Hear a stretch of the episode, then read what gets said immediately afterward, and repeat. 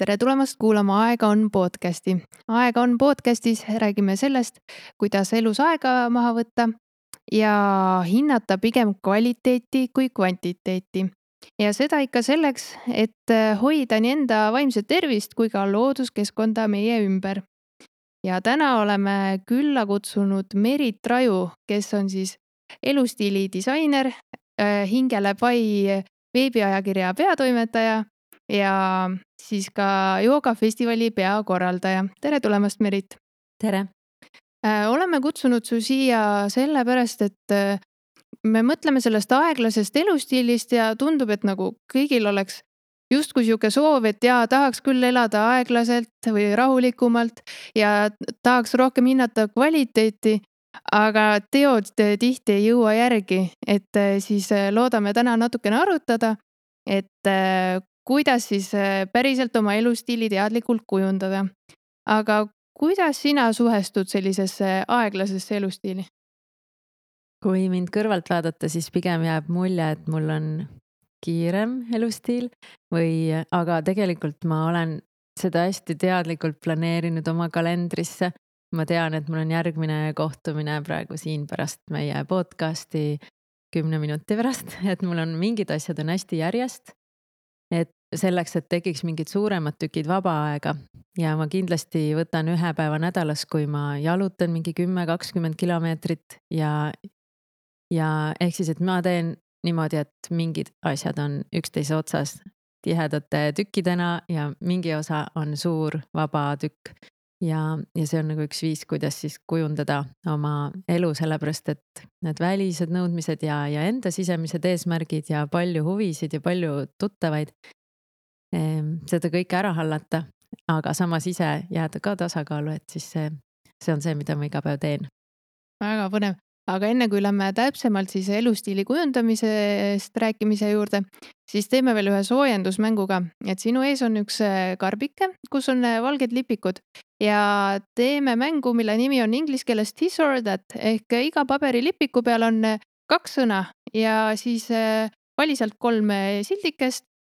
ja siis saad arutada, et kumb nendest äh, sõnadest selle lipiku peal sind praegusel hetkel rohkem kõnetab. siin ei ole õigeid-valesid vastuseid.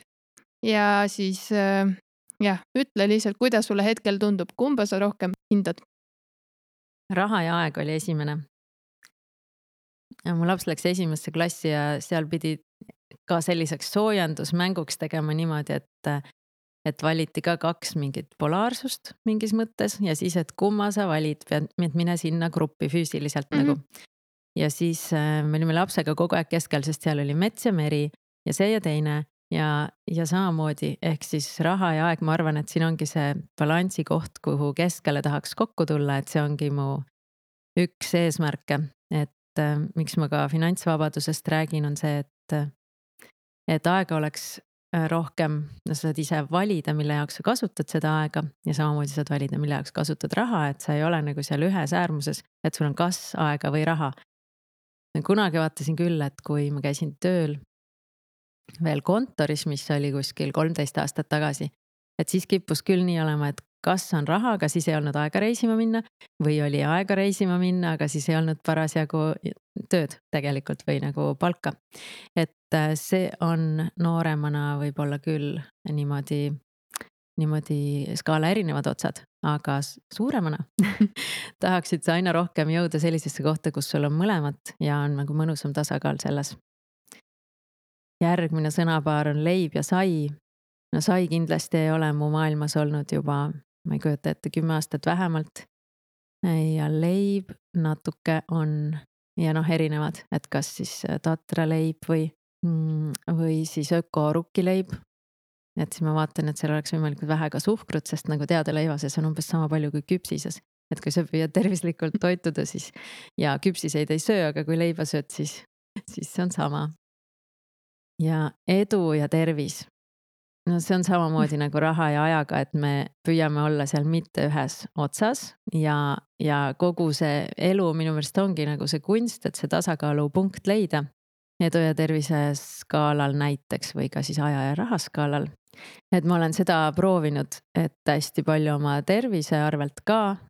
lihtsalt see juhtus niimoodi, kui, kui mu laps oli piisavalt väike ja, ja ma samal ajal tahtsin teha oma ettevõtlust, Hingelepai ajakirja. ja ma arvasin, et ma planeerin seda niimoodi hästi slow'lt, ehk siis ma enne töötasin ka ajakirjas, mis ilmus kord kuus ja siis ma otsustasin, et ma teen äh, aeglase ajakirja, mis on kord kvartalis. Sest inimesed ütlesid, et nad mõnikord ei olnud isegi jõudnud avada veel eelmise kuu ajakirja kui juba ilmus uus, ehk siis ma ei tahtnud inimestele seda stressi tekitada ja endale ka ei tahtnud seda stressi tekitada. vaatasin, et kord kuus oli ju täitsa okei tempo, et teeks veel nagu rahulikumalt, teeks kord kvartalis. aga reaalselt iga uue ettevõtlusega alustamine on nii nagu, nagu uus beebi või no ta nõuab lihtsalt väga suurt panustamist ajaliselt ja, ja energia poolest ja seal ei olnud mingit lootustki, et see kuidagi vähe aega saaks võtta, sest siis sai noh, no nagu lennukil alguses on vaja nagu rohkem ikkagi gaasi anda, rohkem kütust kulutada ja siis, kui sa oled õhku tõusnud, siis sa saad seal korrigeerida. aga jah, et see õhku tõusmine võttis lihtsalt nii palju energiat ja kuna mu laps oli sellel ajal nelja-aastane, ehk siis ta oli juba neli aastat energiat võtnud. Ehm, mis tähendas selliseid katkendlikumaid öid ja, ja millest mul sai ka alguse selline äh, une huvi või et kuidas äh, tõesti parandada unekvaliteeti ja et uni on nii oluline, see arusaamine jõudis minuni. siis selle esimese aasta lõpuks, kui mul oli nii nelja-aastane laps kui ka siis üheaastane ettevõtmine, äh, siis ma jõudsin kuskile, mida ma nimetan läbipõlemiseks. ja no ma ei ole kindel, kas edu oli seal teises otsas, no igal juhul mul ei olnud tervist ega eriti edu ka ei olnud, sest see oli väga slow ajakiri ja praegu ongi siis veebis ja see kõnetab teatud inimesi, et neid, kes saavad aru, millest ma räägin. Et kes ähm, hindavad teisi asju kui, kui välist sära ja, ja sellist nagu välist edu, et edu minu jaoks ongi selline ja enesega ja maailmaga rahulolu ja rahu ja sul ei ole vaja midagi osta, et olla õnnelik, sul ei ole vaja midagi näidata ja midagi niimoodi mängida ja mul on hea meel, et äh, meil on täna siia tulnud tõesti külaline, kes on aeglase liikumisega siis äh, ise ka kokku puutunud, et see aeglane ajakirjandus on kindlasti äh, üks põnev teema, vaatame, ehk jõuame ka pärast sellest rääkida. aga kui me mõtleme sellele, kuidas meil koolis tutvustatakse siis erinevaid ameteid, siis vot elustiili disainerit või elustiili ettevõtjat küll seal ei tutvustatud, et kas sa saad korra avada, et milles sinu töö siis seisneb? Ja võib-olla see ongi natuke erinev, kui sa aasta tagasi oleks küsinud või nii, sest see arenebki koos minuga. ma olen õppinud ettevõtlust äh, või siis ärikorraldust äh, Tehnikaülikoolis Tallinnas ja siis veel äh, Saksamaal Hamburgi ülikoolis magistrantuuris ka ja ma sattusin seda õppima niimoodi pooljuhuse tahtel selles mõttes, et ähm, kui praegused keskkooli lõpetajad on umbes üheksateistaastased, siis mina olin, ma ei tea, kuidas mul õnnestus nii, aga seitsmeteistaastane. ja mulle tundus, et liiga toores ja selline, ma ei teadnud, mis eriala ma tahan. või nagu natuke teadsin, aga ma teadsin, et ma ei tee neid sisseastumiseksameid ära. ma tahtsin teatriteadust minna õppima, sest mulle tohutult meeldis lihtsalt istuda teatris ja vaadata ja, ja imeda seda kõike endasse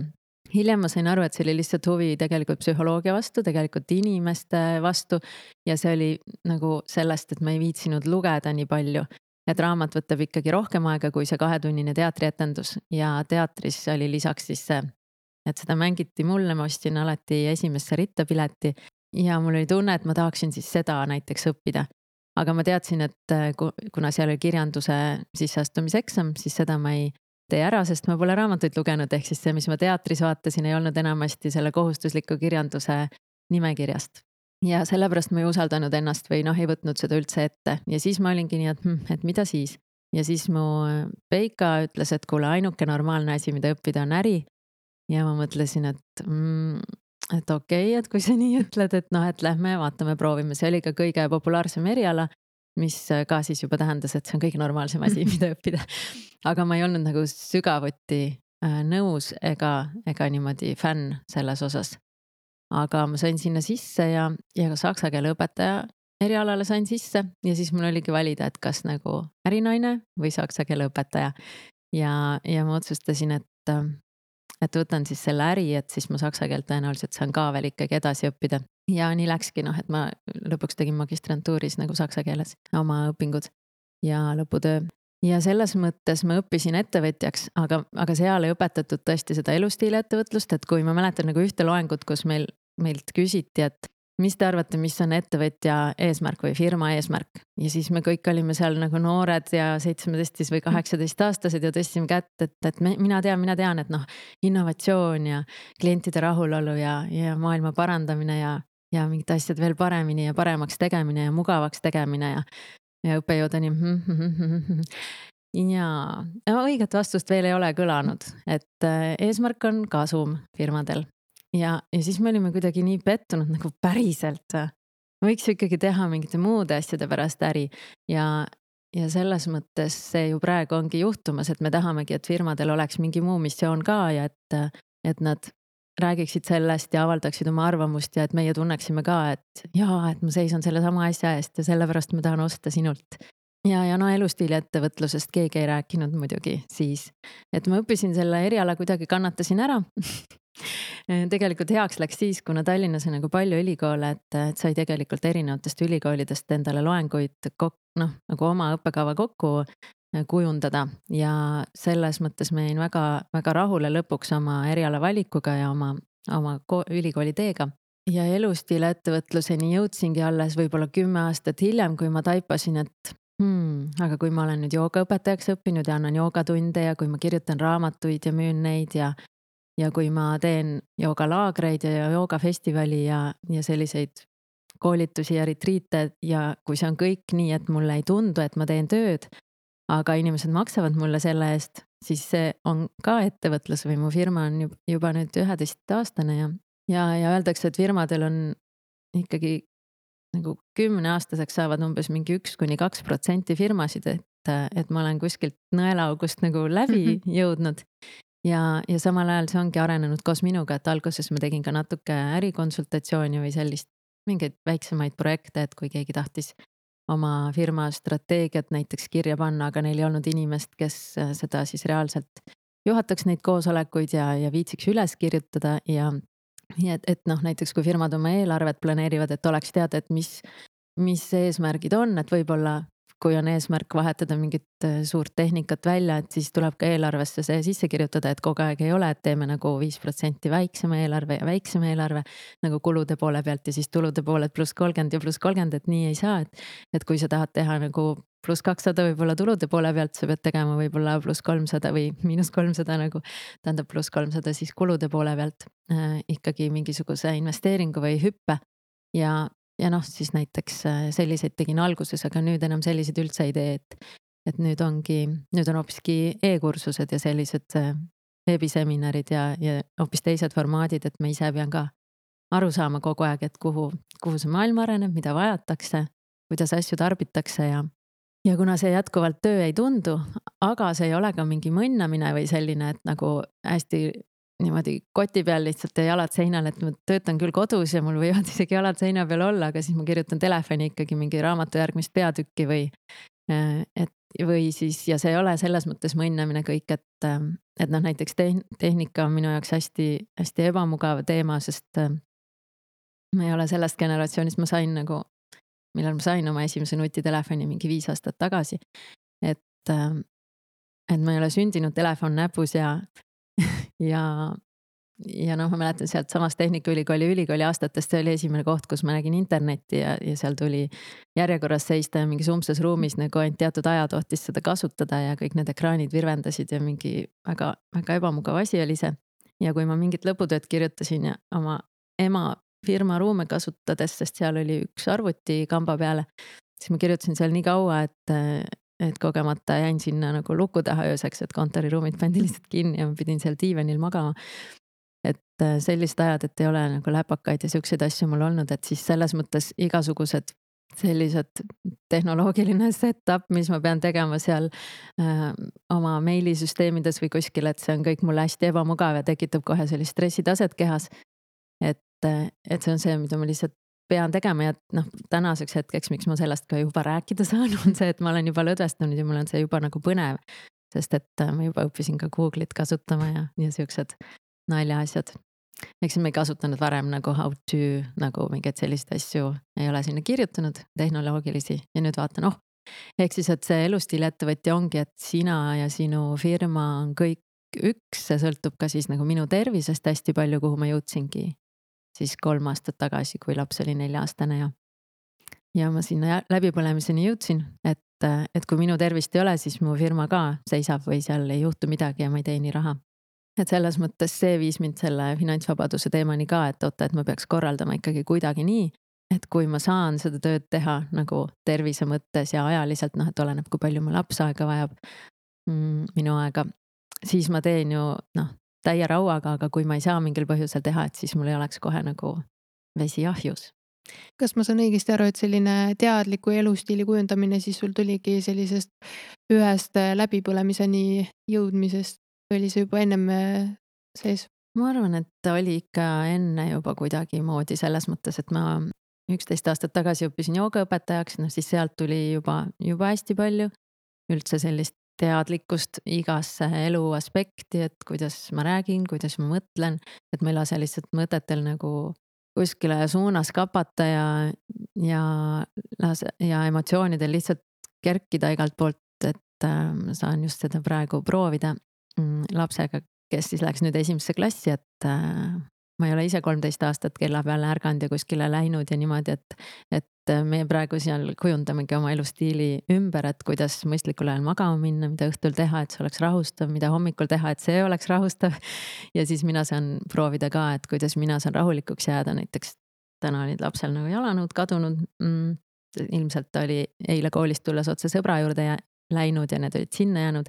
et siis äh, kuidas nagu hästi rahulikult see uus lahendus leida ja noh, ise tasakaalukaks jääda ja, ja samal ajal siis pärast autos tegin loengu ka lapsele veel, et kuidas siis rahulikuks jääda aga kui eh, me räägime siin sellest elustiilist, siis eh, uni on juba mitu korda läbi käinud, aga mis on veel sellised põhivaldkonnad, mis sinu jaoks selle tervisliku eluviisi kokku panevad? ja eks siis jah, toitumine ka, et joogast, mis ma vist tahtsingi mainida, aga ei jõudnud veel. et eh, sellest samast joogakoolitusest, joogaõpetajate koolitusest ikkagi läks see ka hästi, noh juba varem, aga sealt tuli ka rohkem infot. ja siis ma hakkasin raudselt äh, põhiliselt ainult mahetoitu, põhiliselt ma ütlen sellepärast, et äh, lihtsalt igalt poolt ja kogu aeg ei saa või, või mõndasid vilju ei ole, et kui sul nagu retseptis nagu üks asi on puudu, siis ma ikkagi ostan selle siis mitte mahe, et, et ma ei ole nagu nii sada protsenti, aga noh, nii sada protsenti kui võimalik ma olen mahetoidu peal. ja noh, üldse siis kadus ära ka suhkur, või huvi suhkru vastu. Noh, et seal on nagu palju asju, et ütleme jah, toit on nagu üks, aga, aga päris palju me toitume ka emotsionaalselt või noh, ma ei tea, üks naine ütles, et ta pani magamist tuppa oma külmkapi sellepärast, et see oleks tuttavast kohast eemal ja noh, päeval sa ei käi nagu magamistoast läbi, et ta ütles, et näksimine oluliselt mm. vähenes, et see oli, et see oli tema elustiili disain näiteks. et kui sa nagu teadlikult tahad midagi muuta, aga see tuleb sellest, et sul peab mingi eesmärk olema, et noh, näiteks minul uni on üks äh, teema jah, mis on mul läbi aegade olnud teema selles mõttes, et ma olen hästi nagu, nagu tundlik magaja või selline, et, et kui on mingi müra või kui on valevoodipesu, näiteks mäletan kunagi Ungaris mingil reisil äh, hotellis oli sünteetikast voodipesu. täitsa mm. lõpp, ma ei saa magada, ma lähen nagu, läksin täitsa vihaseks nagu ja siis ei saa üldse magada ju, sest et see närvisüsteem ei, ei lõõgastu. et, et mul peavad nagu kõik elemendid ideaalsed olema une juures ja, ja kaasa arvatud siis ka une ajapikkus ja siis ma timmin seda kogu aeg paremaks, sellepärast et uni on võib-olla üks selline nurgakivi nagu harjumustest, et kui sellega on tuksis, siis on nagu kogu päev ja, ja, ja laiemalt mõttes kogu elu tuksis. noh, see, kuidas sa tunned ennast oma elus ja, ja siis ma arvan, et uni on jah, on üks minu jaoks, teine on toitumine, sest see on nii palju ikkagi naudingutega seotud, kuigi ma ei söö nagu noh, et kui ma olen kurb, siis ma söön tavaliselt seda, on ju, mul nagu selliseid asju ei ole, et ma nagu joongi vett ja, ja sööngi siis, kui on söögikord ja, ja siis taimset ja, ja mahetoitu, on ju.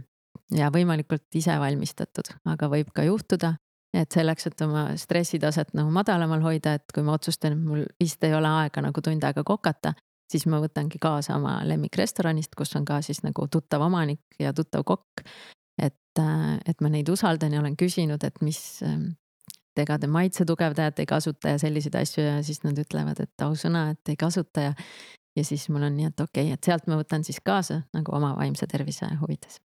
ma kohe ütlen siin vahele, et väga põnev, et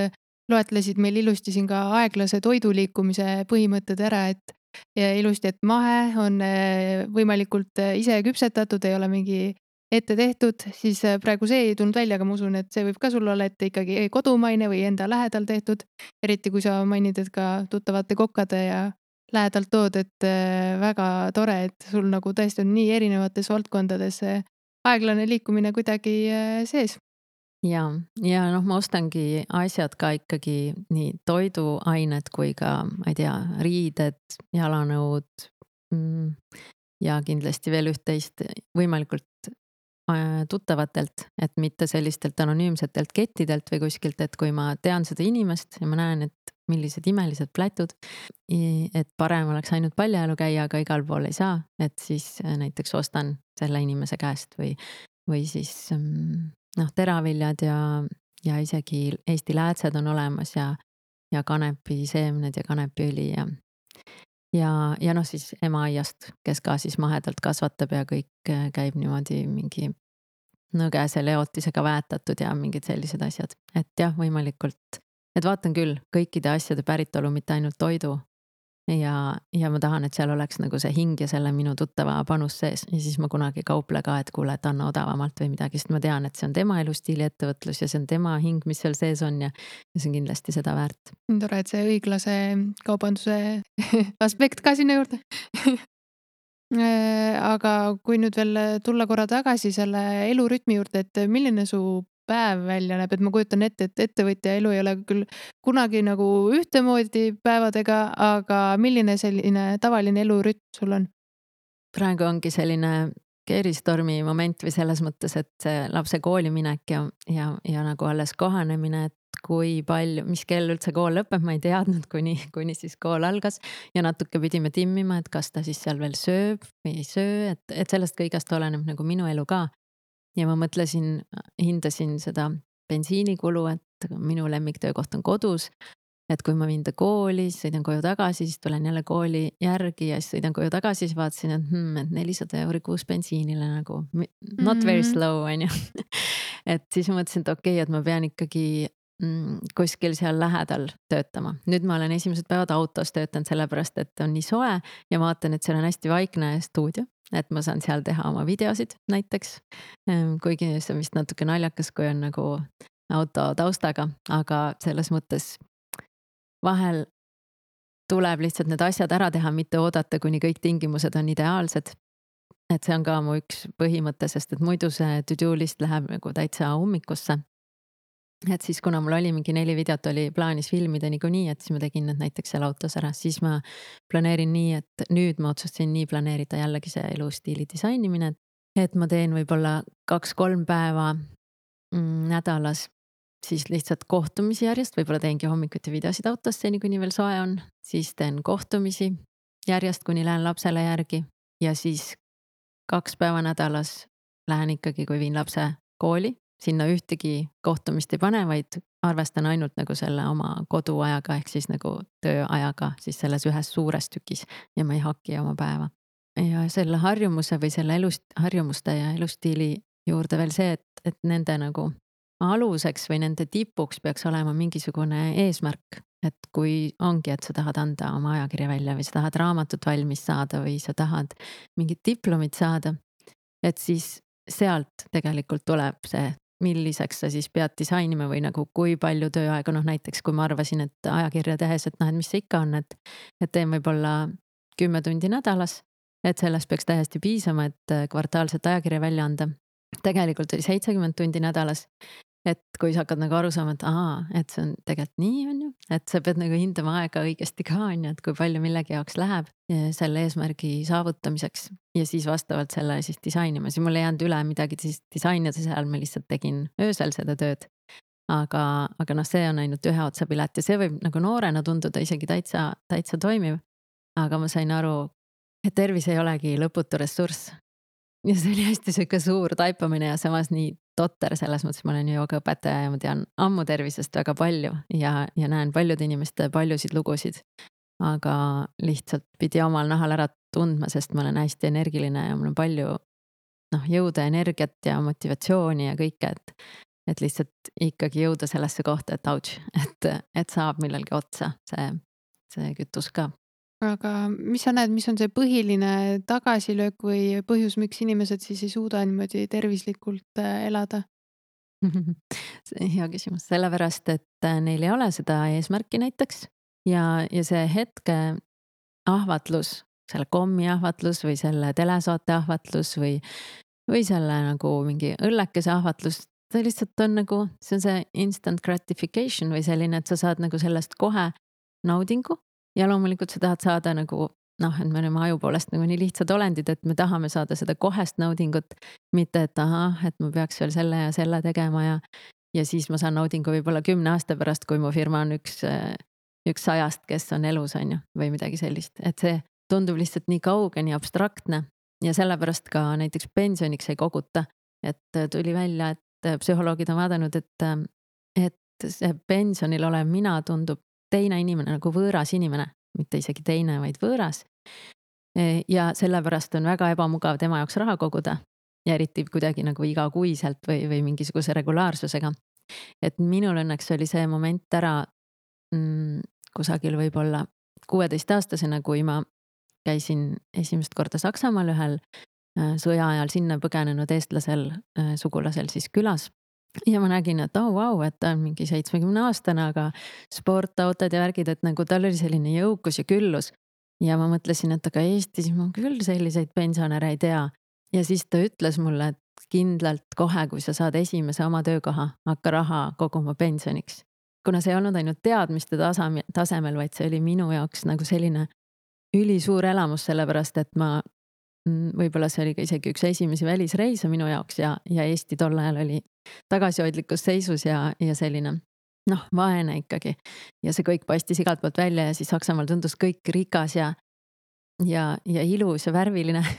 seega see oli minu jaoks selline hästi tugev elamus ja sellepärast oli see ka hästi selge otsus ja mul ei olnud küsimust, kui ma kuskil siis võib-olla kahekümne ühe või kahekümne kahe aastasena sain oma esimese stabiilse töökoha.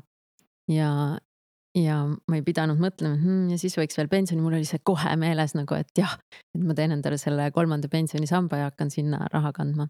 ja praegu ma juba vaatan, et küll oli hea otsus nagu päriselt sest et äh, tagantjärele saad seda hinnata ja investeerimisega öeldaksegi, et ainuke, mida sa kahetsed, on see, et, et noh, vara ei alustanud või varem ei alustanud mm. -hmm. aga kui sa vaatad nüüd, äh, no mõtleme mõne noore peale, on ju kes tunneb, et eh, tahaks siis hakata elama tervislikumalt või teadlikumalt, et eh, kas sul on veel mingeid nõuandeid lisaks selle nii-öelda tuleviku kujutlemisele, et eh, mis veel võiks aidata, et oleks motivatsiooni siis päriselt muudatusi teha? ma olen nii teinud, et kui mul on mingi eesmärk, siis ma mõtlen või analüüsin või ka tunnetan põhjalikult läbi, et miks mul see eesmärk on. et ma olen püüdnud ka no näiteks internetis näiteks ühe, ühe grupiga teha seda, mitte grupiga, aga ka lihtsalt vestluse ajal, et kuule, et mõtle korra läbi ja olen, olen toonud ka mõned siis enda näited ja siis on inimesed öelnud täpselt minu sõnadega ja et noh, näiteks finantsvabadus on minu jaoks oluline sellepärast, et siis mul oleks nagu rohkem aega või siis, või siis seesama, mis mina ütlesin, et, et ma ei sõltuks oma tervisest, siis nad ütlevad sedasama, et ma ei sõltuks oma tervisest. et sa leiad oma eesmärgi, no näiteks see diplom või siis see raamat, mis sa välja annad või midagi, mis on päriselt sinu eesmärk, mitte, mitte jälle minu ette öeldud eesmärk, on ju, et mis on päriselt sulle oluline ja siis sa mõtled, et miks see mulle on oluline, miks ma tahan seda. Ja siis sa saad mingi vastuse sellele. Ja siis sa mõtled veel ühe korra seda, et kas siis seda, mis sa said vastuseks või siis seda esimest küsimust või, või seda eesmärki, et aga miks, miks ma päriselt seda tahan ja küsid endalt niimoodi viis korda või võib-olla kümme korda ja saad kogu aeg natuke erinevaid vastuseid, aga sa hakkad nägema midagi, et aa, see on mul selle jaoks oluline. no näiteks, et ma ei oleks oma tulevasest mehest nii sõltuv rahaliselt või, või mis tahes või et ma saaks reisida või noh, näiteks kui mingi rahaline eesmärk. aga miks ma tahan reisida? et noh, ma tahan kogeda nagu, mida sa tahad kogeda ja siis, kui sul on see hästi selge vastus, mis on emotsionaalne, mitte selline, et no jaa, kõigil ju on siis sa teadki, miks sa peaksid oma elu ümber tegema, miks sa peaksid näiteks rohkem magama või varem magama minema või vähem alkoholi või üldse mitte alkoholi jooma või peaksid hakkama raha koguma. ja siis, kui sul tulevad mingid raskused, näiteks sõbrad ütlevad, ah come on, tule nüüd ja kuule, reede õhtu on. reede õhtu ei ole mingi põhjus alkoholi juua. et siis sa ei lähe nagu liimile, sest sul on see, et kuule ei, et äh, mul on aeg oluline, ma tahan laupäeva hommikul olla värske. Et äh, ma ei taha nii, et mul on mingi kell kaks ärkan ja siis kella neljaks on mingi hommikusöök söödud nagu ja, ja sellised asjad. et äh, see tekitab nagu parema fookuse ja võib juhtuda, et need sõbrad vahetuvad ja see on ka väga okei okay et minul ongi nii, et erinevatel eluetappidel on erinevad sõbrad olnud. ja noh, mõned sellised läbi elu no, nagu esimese klassi pinginaaber ja nii, aga. et see aitab nagu reel püsida sellistel ahvatluse hetkedel ja just sellel, nendel hetkedel, kui sa tahad seda hetke naudingut saada, aga sul on nii, et nojah, aga pikemas perspektiivis, mul oli ju see oluline. ja, ja see aitab ka minu meelest nagu ajakasutust ähm, timmida täpsemaks. ja jällegi nooremana, see on tõenäoliselt natuke teistmoodi, ma vaatasin, et kui ma nelikümmend sain, siis mul tekkis kuidagi, et oo oh,. Esimes-, esiteks oli, et tervis ei ole nagu lõputu ressurss ja teiseks oli, et aeg ei ole lõputu ressurss, et ta kuidagi. Ehm, noh, see ei olnud nagu morbiidne nagu, aga see oli selline, et oota, et noh, et ma ei, ma ei taha üldse aega raisata, et ma tahan ainult kõige olulisemate suhete jaoks, kõige olulisemate tegevuste jaoks kasutada seda ja, ja noh, siis ma võtsin ka endale assistendi, et see aitaski mul siis rohkem magama hakata, kui tema hakkas arveid tegema ja, ja andmeid sorteerima ja, ja mingeid selliseid asju tegema. et see oli ka siis see disain, kuigi oli raske nagu maksta kellelegi, kui endal veel ei olnud seda sissetulekut, aga, aga noh, see arusaamine nagu aitas, et äh, ma pean midagi nagu esimesena tegema, et see teine saaks järgi tulla. ja siis see oli väga õige otsus, et assistent võtta näiteks mm. -hmm kui sa rääkisid siin äh, ka sellest äh, analüüsist, et äh, siis enda elu kujundada, et kas meil eelmine külastaja näiteks, kes oli Harald Lepisk, tema ütles, et tema peabki kogema ja kirjutama, et kõik asjad ära analüüsida, et siis ta oskab paremini enda elu kujundada, et kuidas sina seda protsessi teed või siis ka oma nii-öelda klientidega suunad siis mõtlema tuleviku suunas? ja ma kirjutan päevikut ja mul on post-it'id ja, ja siis ma sätin neid ümber ja, ja edasi ja tagasi ja mingisse järjekorda ja nii, et ma mõtlen küll ikkagi kirjalikult ka. sest öeldakse, et kui sa oled ka eesmärgi ikkagi kirja pannud, siis see on palju-palju tõenäolisem, et sa seda mm, et see sul meeles on seda saavutama hakata või sinnapoole liikuma hakata ja eriti aitab, kui sa ka nagu avalikuks teed või räägid teistele. et kuule, et mul on niisugune plaan ja et ma tahan nüüd selle ära teha ja siis hakatakse sult küsima ka, et kuidas sul läheb ja, ja endal tekib kuidagi selline tunne ka. näiteks mõtlesin, et ma hakkan õhtuti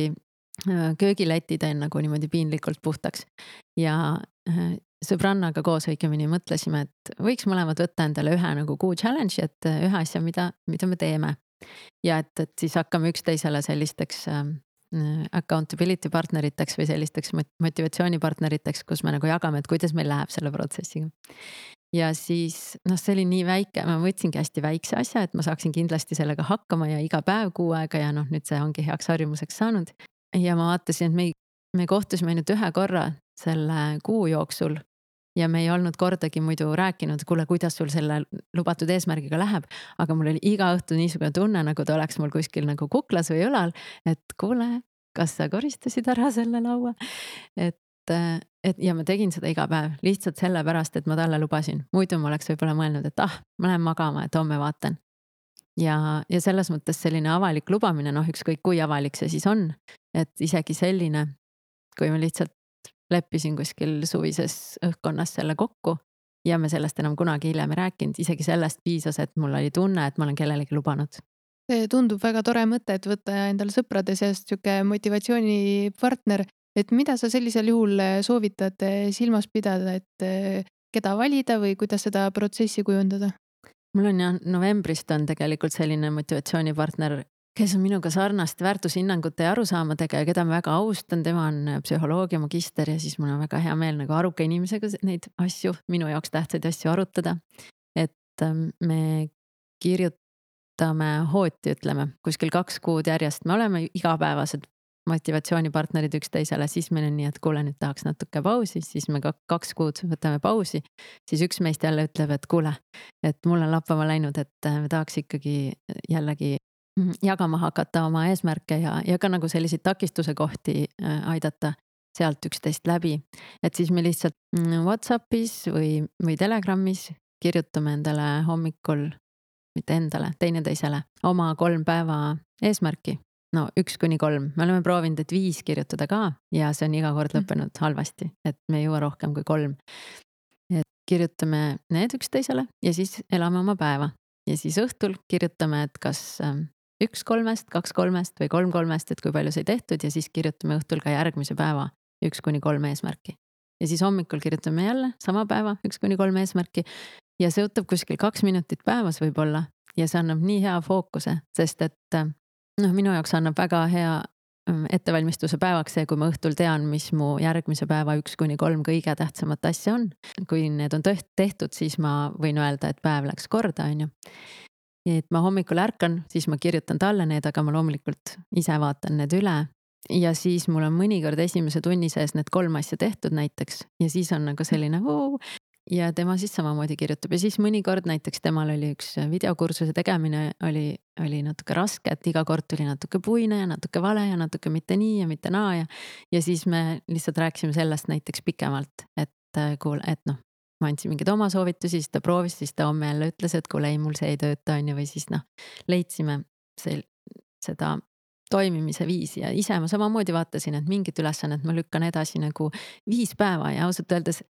kui sa nagu ainult endale selle eesmärgi võtad ja selle eest nagu fail'id, siis ei ole nii hullu, aga kui viis päeva kirjutad ühe ja sama, et, et ma pean helistama sellele inimesele, kirjutad oma sõbrannale. siis tal on nii, et kuule, mis, mis sellega on nagu, kaua see kõne võtab, et see nagu nii raske on, ei, ei no see ei ole nagu kestus, see on nagu mingi mm. -hmm. et siis sa saad nagu hakata mõtlema, et mis, mis seal taga on, et seda edasi lükkad. ja, ja see on tavaliselt mingi emotsioon et see on nagu päeva eesmärk, aga mind on aidanud ka see, et mul on nagu aasta üks kuni kolm tähtsat asja. nagu kuu üks kuni kolm tähtsat asja. ja nädala üks kuni kolm tähtsat asja, see tundub nagu väga struktureeritud, aga see on päriselt nagu üks kuni kolm asja ja ma olen nagu üli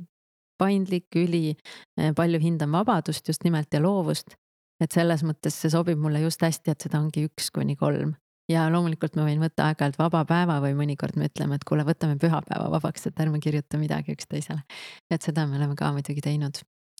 et äh, on ütlemine, et distsipliin on äh, justkui sihuke vabadus, et teil siis toimib üsna samamoodi, ma saan aru just, et see, et see, et sa teed süsteemi, tegelikult ei hakka ennast piirama, vaid just annab ekstra mingit vabadust. ja minu meelest küll jah mm. -hmm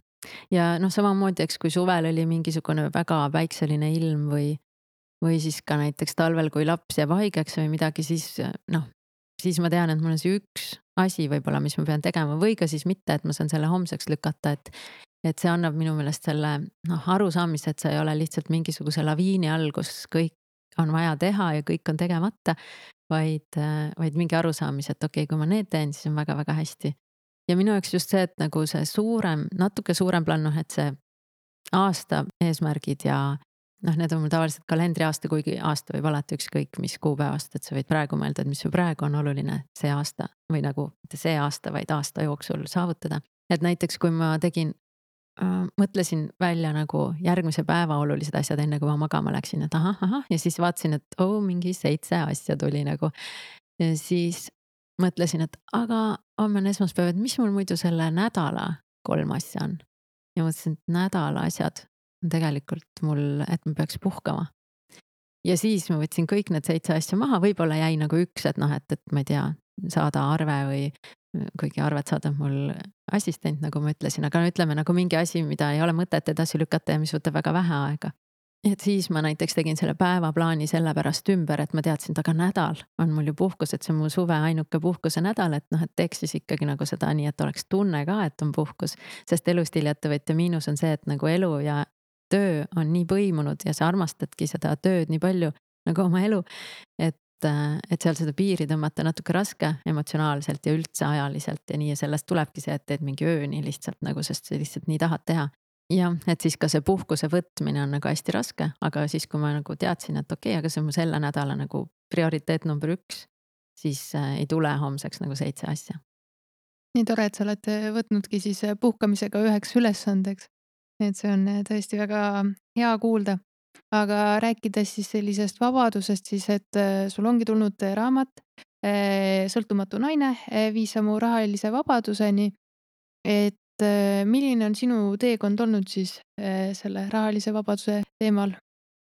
ja minu jaoks murdepunktiks sai mingi selline moment, siis oligi, mis oli kolm aastat tagasi, kui ma olin liiga palju töösse panustanud ja liiga vähe magamisse panustanud. ja, ja siis see arusaamine, et okei okay,, mul olid säästud vähemasti, aga, aga kui nagu säästudest elada, siis nad vähenesid kuidagi katastroofilisel kiirusel ja mõtlesin, et ei, ei, ei, et kuidas see nüüd käiski, et säästud tuli kasvama panna, on ju et mul õnneks olid säästud, et noh, et eks nagu esimene samm on see, et üldse endale mingi sääst tekitada ja no enne seda on, et endale mingi sissetulek tekitada. ja noh, Eestis ongi see, et naistel on ju väiksem sissetulek, et ärme seda nagu rohkem korda, et nagu teeme, teeme ise kuidagi teistmoodi, et personalijuhid on naised ja nad ütlevad omavahel öeldes, et tead, et mehed lihtsalt küsivad alguses juba rohkem ja noh, kui sul keegi küsib nagu vähem palka, siis sa tööandjana, kuna eesmärk on kasum, on ju, siis see on nii, et mm -hmm, okei okay,, väga hästi, et sobib küll. et hakkame küsima natuke suuremat palka. ja siis, siis kui on sissetulek, siis saad sääste koguda ja noh, see on päriselt oluline, et see ongi see, et nagu ma ei tea, noh, mina ei joo kohvi ja ma ei joo alkoholi ja mingi ja ma ei käi lõbutsemas kuskil, ma ei tea, no noorena ma proovisin kindlasti, aga mulle ikkagi meeldis õhtuti pigem magama minna ja pigem sõpradega selline nagu üks-ühele suhe või selline, kus me saame süvitsi minna tema või minu teemadega ja.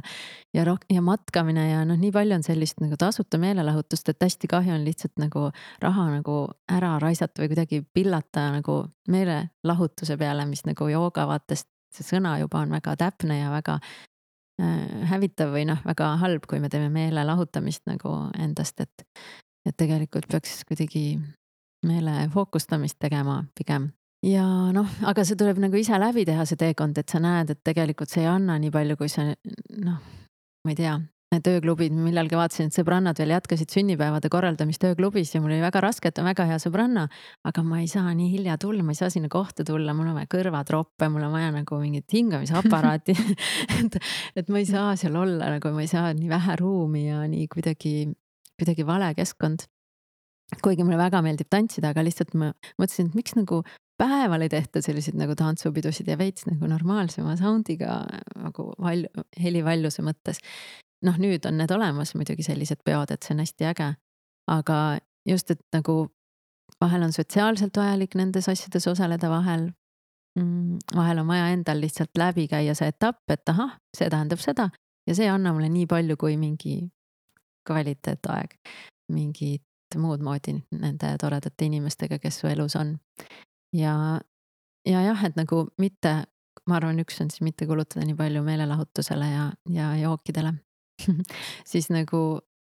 söögikohtades ikka küsitakse mult, et, et ja mis jooki toome ja ma tean, et see toob neile jällegi kasumit. aga ma ei saa neile seda pakkuda, sellepärast et ähm, ei soovitata juua söögi ajal et sa pead jooma enne sööki pool tundi või siis pärast söömise lõpetamist poole tunni pärast. et muidu see lahjendab maamahlu ja su seedimine läheb aeglasemaks. noh, ei seedu nii lõpuni ära ja ühesõnaga see on nagu halb ja siis, et noh, näiteks kui sa ei telli nagu jooki söömas, siis saab ka juba nagu soodsamalt näiteks või nii ja siis tekibki mingi sääst ja siis noh, muidugi mu soovitus on ka siis pensioniks koguda, teades teadlikult, et see on nagu võõrale inimesele raha kogumine. ja see ongi vastik ja see ongi nõme ja pension ongi nagu väga kaugel. aga, aga see lihtsalt tuleb ühe korra ära seadistada ja siis rohkem selle peale mõtlema ei pea. ja see ülekanne läheb automaatselt su sinna näiteks kolmanda samba kontole noh, võid ka ju mingit muud moodi pensioniks koguda, et mingile mujale kontole, aga see nipp on siis jah selles, et see ei ole sul seal igapäevasel kontol, kust sa ostad arbuusi ja, ja sokke ja kõike ja, ja käid teatris. vaid see on su silma alt ära ja sa nagu tead kuklas, et sul midagi on kuskil, aga, aga sa ei noh, tegelikult ainult erand erandkorras nagu kasutad seda raha. ja noh, neid erandkordi võibki tulla, et sul mõnikord ongi vaja pausi, et sa saad siis endale selle, seda lubada ja siis, kui mul oli see kolm aastat tagasi ja mul säästud siis olid, nagu ma ütlesin, siis ma hakkasin üles kirjutama oma kulusid, ma tudengina kirjutasin ja, ja palju aastaid olen kirjutanud, sest mulle meeldib selline ikkagi mingi struktureeritus ka, kuigi ka sihuke kaootiline loominguline segadus ka meeldib. aga siis ma hakkasin seda uuesti jälle tegema ja vaatasin, et oo vau, kuhu raha läheb. mul läks hästi palju enesearengu peale, sest me lihtsalt seal ei hoia kunagi kokku, nagu kui on mingi koolitus. Siis ma kohe kannan raha üle, osalen, õpin teen kaasa kõik ja, ja tunnen rahulolu selle, noh, see on minu meelelahutus. et ma näen, et see on ka natukene liiga palju, et seda saaks poole vähem teha, siis ma jõuaks seda poole rohkem rakendada ja saaks ikkagi selle hea tunde, mida ma sealt otsin. aga jah, minul oli see ja siis oli väljas söömine oli päris suur kulu mm,. seda sai siis ka nagu limiteerida, et ma vaatasin, et noh, see ei pea niimoodi olema. ja rohkem ei teagi ehm, praegu peast. Ehk siis, et seal nagu noh, tekib päris hea pilt, eriti kui mõned kuud järjest kirjutada. ja need, kes kirjutavad neid kulusid üle, need üles, nad ütlevad, et kui mõni kuu võtad puhkust, nagu mina oma motivatsioonipartneriga kirjutamisest või nii, et vahel tahad lihtsalt nagu minna lasta ka.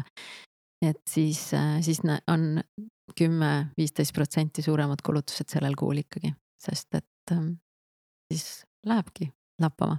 ja siis ma jah investeerisin ka, et ma vaatasin, et äh, noh, proovisin erinevaid katsetusi, et sellest see raamat nagu ongi, et kui ma vahepeal seal kõik raha panin aktsiatesse ja siis äh, sain seal südamerabandusi enam-vähem, äh, siis siis ma ei pannud enam kõik raha, kõik kogu raha aktsiatesse ja, ja ehk siis, et see on see portfelli kujundamine, et mingid rahad sa paned turvalisemalt ja mingite rahadega, millega sa tunned, et võid riskida. seal on nagu suuremad võidud, aga suuremad kaotused ka võimalikud. Et siis, ähm, siis nendega natukene riskid seal, aga peamine on lihtsalt, lihtsalt vähemasti koguda seda raha. et sul on oma elu muutuste ajaks, kui sa tahad vaheaega või vajad vaheaega või, või on sul väike laps või või tahad oma ettevõtlusega alustada või reisima minna. jah, kas ähm, selline finantsvabadus on andnud sulle ka pisut sellist äh, kas puhkamise või siis vabalt hingamise ruumi ka juba? Ma näen, et kogu aeg tuleb midagi järgmist ette valmistada, aga see ongi tegelikult minu jaoks on nagu vabadus ja loovus on sellised äh, number üks väärtused või noh, seal kuskil ka teadlikkuse ja tervislikkuse juures et see on andnud mulle küll seda, et kui mul tuleb idee nüüd teha mingisugust hoopis teistsugust asja, no näiteks ma tahan teha uneteemalist e-kursust, et äh, mina ei tea, kas ja mida ma sellega raha teenin. mul on lihtsalt selline tunne, et ma tahan seda väga jagada ja see on harjumuste nurgakivi, millest oleneb kõik elus tegelikult nagu doomino et siis ma saan rahulikult seda praegu ette valmistada, et ma loen raamatuid, ma tegin äh, küsitluse, kus vastas tuhat kolmsada Eesti inimest, enamasti naised.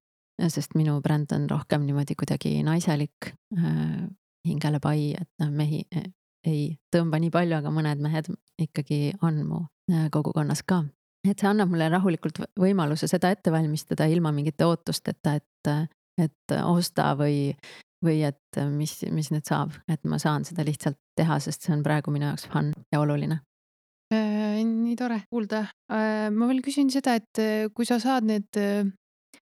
ikkagi puhkehetked, et äh, kuidas sina siis lõõgastud või naudid aega endaga? meil on Tallinnas, aga meil on metsa ääres, et minu jaoks on jalutamine üks selline viis, kuidas noh, jällegi töötan ja jalutan ja, ja lõõgastun korraga. et jalutamise ajal ma teen siis seda, mida ma just sellel päeval kuidagi pean vajalikuks, et ma kuna, kunagi ei kuula midagi, tahtsin öelda, et kindlasti mm. kunagi ei kuula midagi, sellepärast et ma olen hästi selline elektromagnetlainete teadlik ka ja ma ei taha endale kõrva midagi lasta ega enda lähedalt ma lülitan telefoni ka välja, sest et taskus ka kiirgab ikkagi ja internet on mul kindlasti alati väljas ja lülitan ainult sisse siis, et, et noh, mingi GPS-i teekond välja arvestada või siis mingid sõnumid ära saata või vastu võtta või vaadata korraks meili. aga jaa, et ehk siis, et ma elektroonilist midagi ei kuula, võib juhtuda, et ma telefoni kirjutan ikkagi mingeid mõtteid, noh näiteks ma mõtlen mingit järgmist veebiseminari. Äh, või, äh, või tuleb mingeid raamatumõtteid või tuleb mingeid muid mõtteid. Et siis ma kirjutan notes idesse näiteks telefonis, seda võib juhtuda. Mm, vahel ma lihtsalt mõtlen midagi, vahel ma vaatan ringi ja otsin kohta, kus filmida mingit järgmist klippi vahel ma lähengi seda klippi filmima, et ma jalutan pool tundi ja siis on see klipi filmimine ja siis on jälle auhinnaks pool tundi jalutamist tagasi koju. et see mets mind hästi palju laeb ja, ja siis ma niimoodi pooltöiseid siis jalutuskäike teen või selliseid noh, nagu loomingulisi võib siis öelda. aga võib ka juhtuda, et ma teen hingamisharjutusi selle jalutuskäigu ajal võib ka ikkagi juhtuda telefonikõnesid, kui ma neid muidu ei ole teinud ja midagi kindlasti kripeldab ja võib juhtuda, et ma lihtsalt jälgin oma rühti näiteks ja, või siis teen nagu kiiremaid samme, et ma tahan nagu pulssi üles saada. ja mõnikord lihtsalt hästi aeglaselt töllerdan või siis korjan seeni. aga milline on äh, jooga roll sinu elus? No see on vist ka läbi imbunud igalt poolt, et ma sellist nagu matil joogat nii palju ei tee, et hommikul ma teen kuskil kaks minutit arvatavasti harjutusi, siis äh, mediteerin viisteist minutit ja nädalas korra annan tavaliselt joogatunde, et siis ma teen ka nagu ise ka kaasa ja siis ma saan ka ise selle hea tunde. aga sellist nagu väljastpoolt paistvat joogat rohkem ei olegi, et pigem ongi see mõtteviis, et et, et me ei pea kuidagi stimulante kasutama ja telekat vaatama neli tundi nagu keskmine eestlane iga päev või, või, või mingeid, ma ei tea, ripsme ja küünepikendusi ostma et, et see on selline, et ma olen, ma olen piisav ja väärtuslik sellisena, nagu ma olen ja, ja nagu ma ütlesin, minu hobi on samal ajal eneseareng. et seda ma teen niikuinii ka kogu aeg, see on ka mu töö selles mõttes, ma ei saaks muidu oma tööd nii hästi teha, kui ma ei, ei oleks ise läbi proovinud igasuguseid enesearengu asju me siis äh, tavapäraselt äh, saate lõpus veel võtame sellise väikse ploki, et äh, mis sind ennast inspireerib, kust sina kogud inspiratsiooni? ma arvan, et oma sõpradelt, raamatutest, nendest samadest enesearengu kursustest nii online kui muidu, ongi ka kuulan palju veebiseminare ja, ja siis jah, need sõbrad või siis ka tulevased sõbrad selles mõttes, et kui ma näen mingeid huvitavaid paare või inimesi või või ettevõtjaid, siis ma alati, ma olen kuidagi hingelt ajakirjanik ka, et siis ma kohe hakkan neid küsitlema, et kuidas sa ikka täpselt mõtled ja kuidas sa seda teed ja, ja kes sa oled, et mind huvitavad sellised nii oma praegused tuttavad kui ka potentsiaalsed uued tuttavad, et ma kindlasti otsin nendega kontakti ja saan inspiratsiooni, et oh vau, niimoodi saab elada ja niimoodi teetegi ja, ja niimoodi kasvatategi lapsi ja nii, et, et need kõik asjad on mu jaoks huvitavad väga tore. sinuga on tõesti rõõm olnud vestelda ja rääkides siis slow liikumisest, mulle tundub, et me võiks veel kõik valdkonnad läbi käia, et see on tõesti su ellu juba sisse tulnud. aga täna paraku me siis lõpetame, aga ma julgustan kõiki kuulajaid siis tõesti minema hingelepai.ee lehele, sest seal on väga palju toredaid artikleid, kust samuti siis saab palju inspiratsiooni, et kuidas enda elu teadlikumaks äh, kujundada. aitäh sulle, Merit, selle vestluse eest. ja aitäh ja kõike, kõike head kõigile. teen siis ka väikse kokkuvõtte, millest äh, täna Meritiga rääkisime ja mis mulle kõige rohkem täna kõlama jäi. et kui Harald esimeses osas tõi meil välja sellise eneseanalüüsi meetodi nagu arengupäevik ja enda mõtete üleskirjutamine, siis Meritil oli selline teistpidi lähenemine, et võtta endale selline motivatsioonipartner või mõni sõber, kellega siis äh, arutada enda arenguprotsessi. Äh, teiseks, mis mulle kõlama jäi, oli see, et on vaja teatavat distsipliini, et saavutada endale sellist vabadust teha neid projekte või tegevusi, mis ennast just kõnetab. ja samuti osa sellest on ka finantsvabadusel et äh, rääkides rahatarkusest, siis äh, Merit tõi hästi välja, et suurim asi, mida kahetsetakse, on just see, et äh, ei alustata piisavalt vara. nii et siin ka innustan kõiki noori ja ka natuke vanemaid, kes ei ole veel sel teemal mõelnud, et alustada siis teekonda oma finantsvabaduseni. et ühe meetodina näiteks, kust lihtsalt alustada, tõi Merit välja ka kolmanda pensionisamba ja kui hetkel on selline tunne, et eh, ei ole raha, mida investeerida, siis eh, võtta ette protsess, et eh, kaardistada enda kulud ja märgata, kas tõesti ei ole raha, mida kulutada või lihtsalt see raha läheb praegu mõnda ebaotstarbekasse kohta. tõesti oli rõõm Meritiga täna siin vestelda aga soovin veel tänada lisaks Meritile meie sponsorit Birch Lagooni, kes meile mõnusad eh, mahe kasemahlajoogid siia on eh, kõrvale joomiseks eh, andnud. ja samuti tänan sihtasutus Archimedes noorteagentuuri, kes meie projekti rahastab läbi Euroopa Solidaarsuskorpuse programmi. lisaks on mul teile veel paar lahedat teadaannet nimelt teisipäevast läheb meil käima suur loosimäng, kus teil endal on ka võimalik Birch Lagooni kasemahlu võita. ja teiseks kuues oktoober, soovitan kõigil meelde jätta. toimub Tartus meil selline vahva üritus,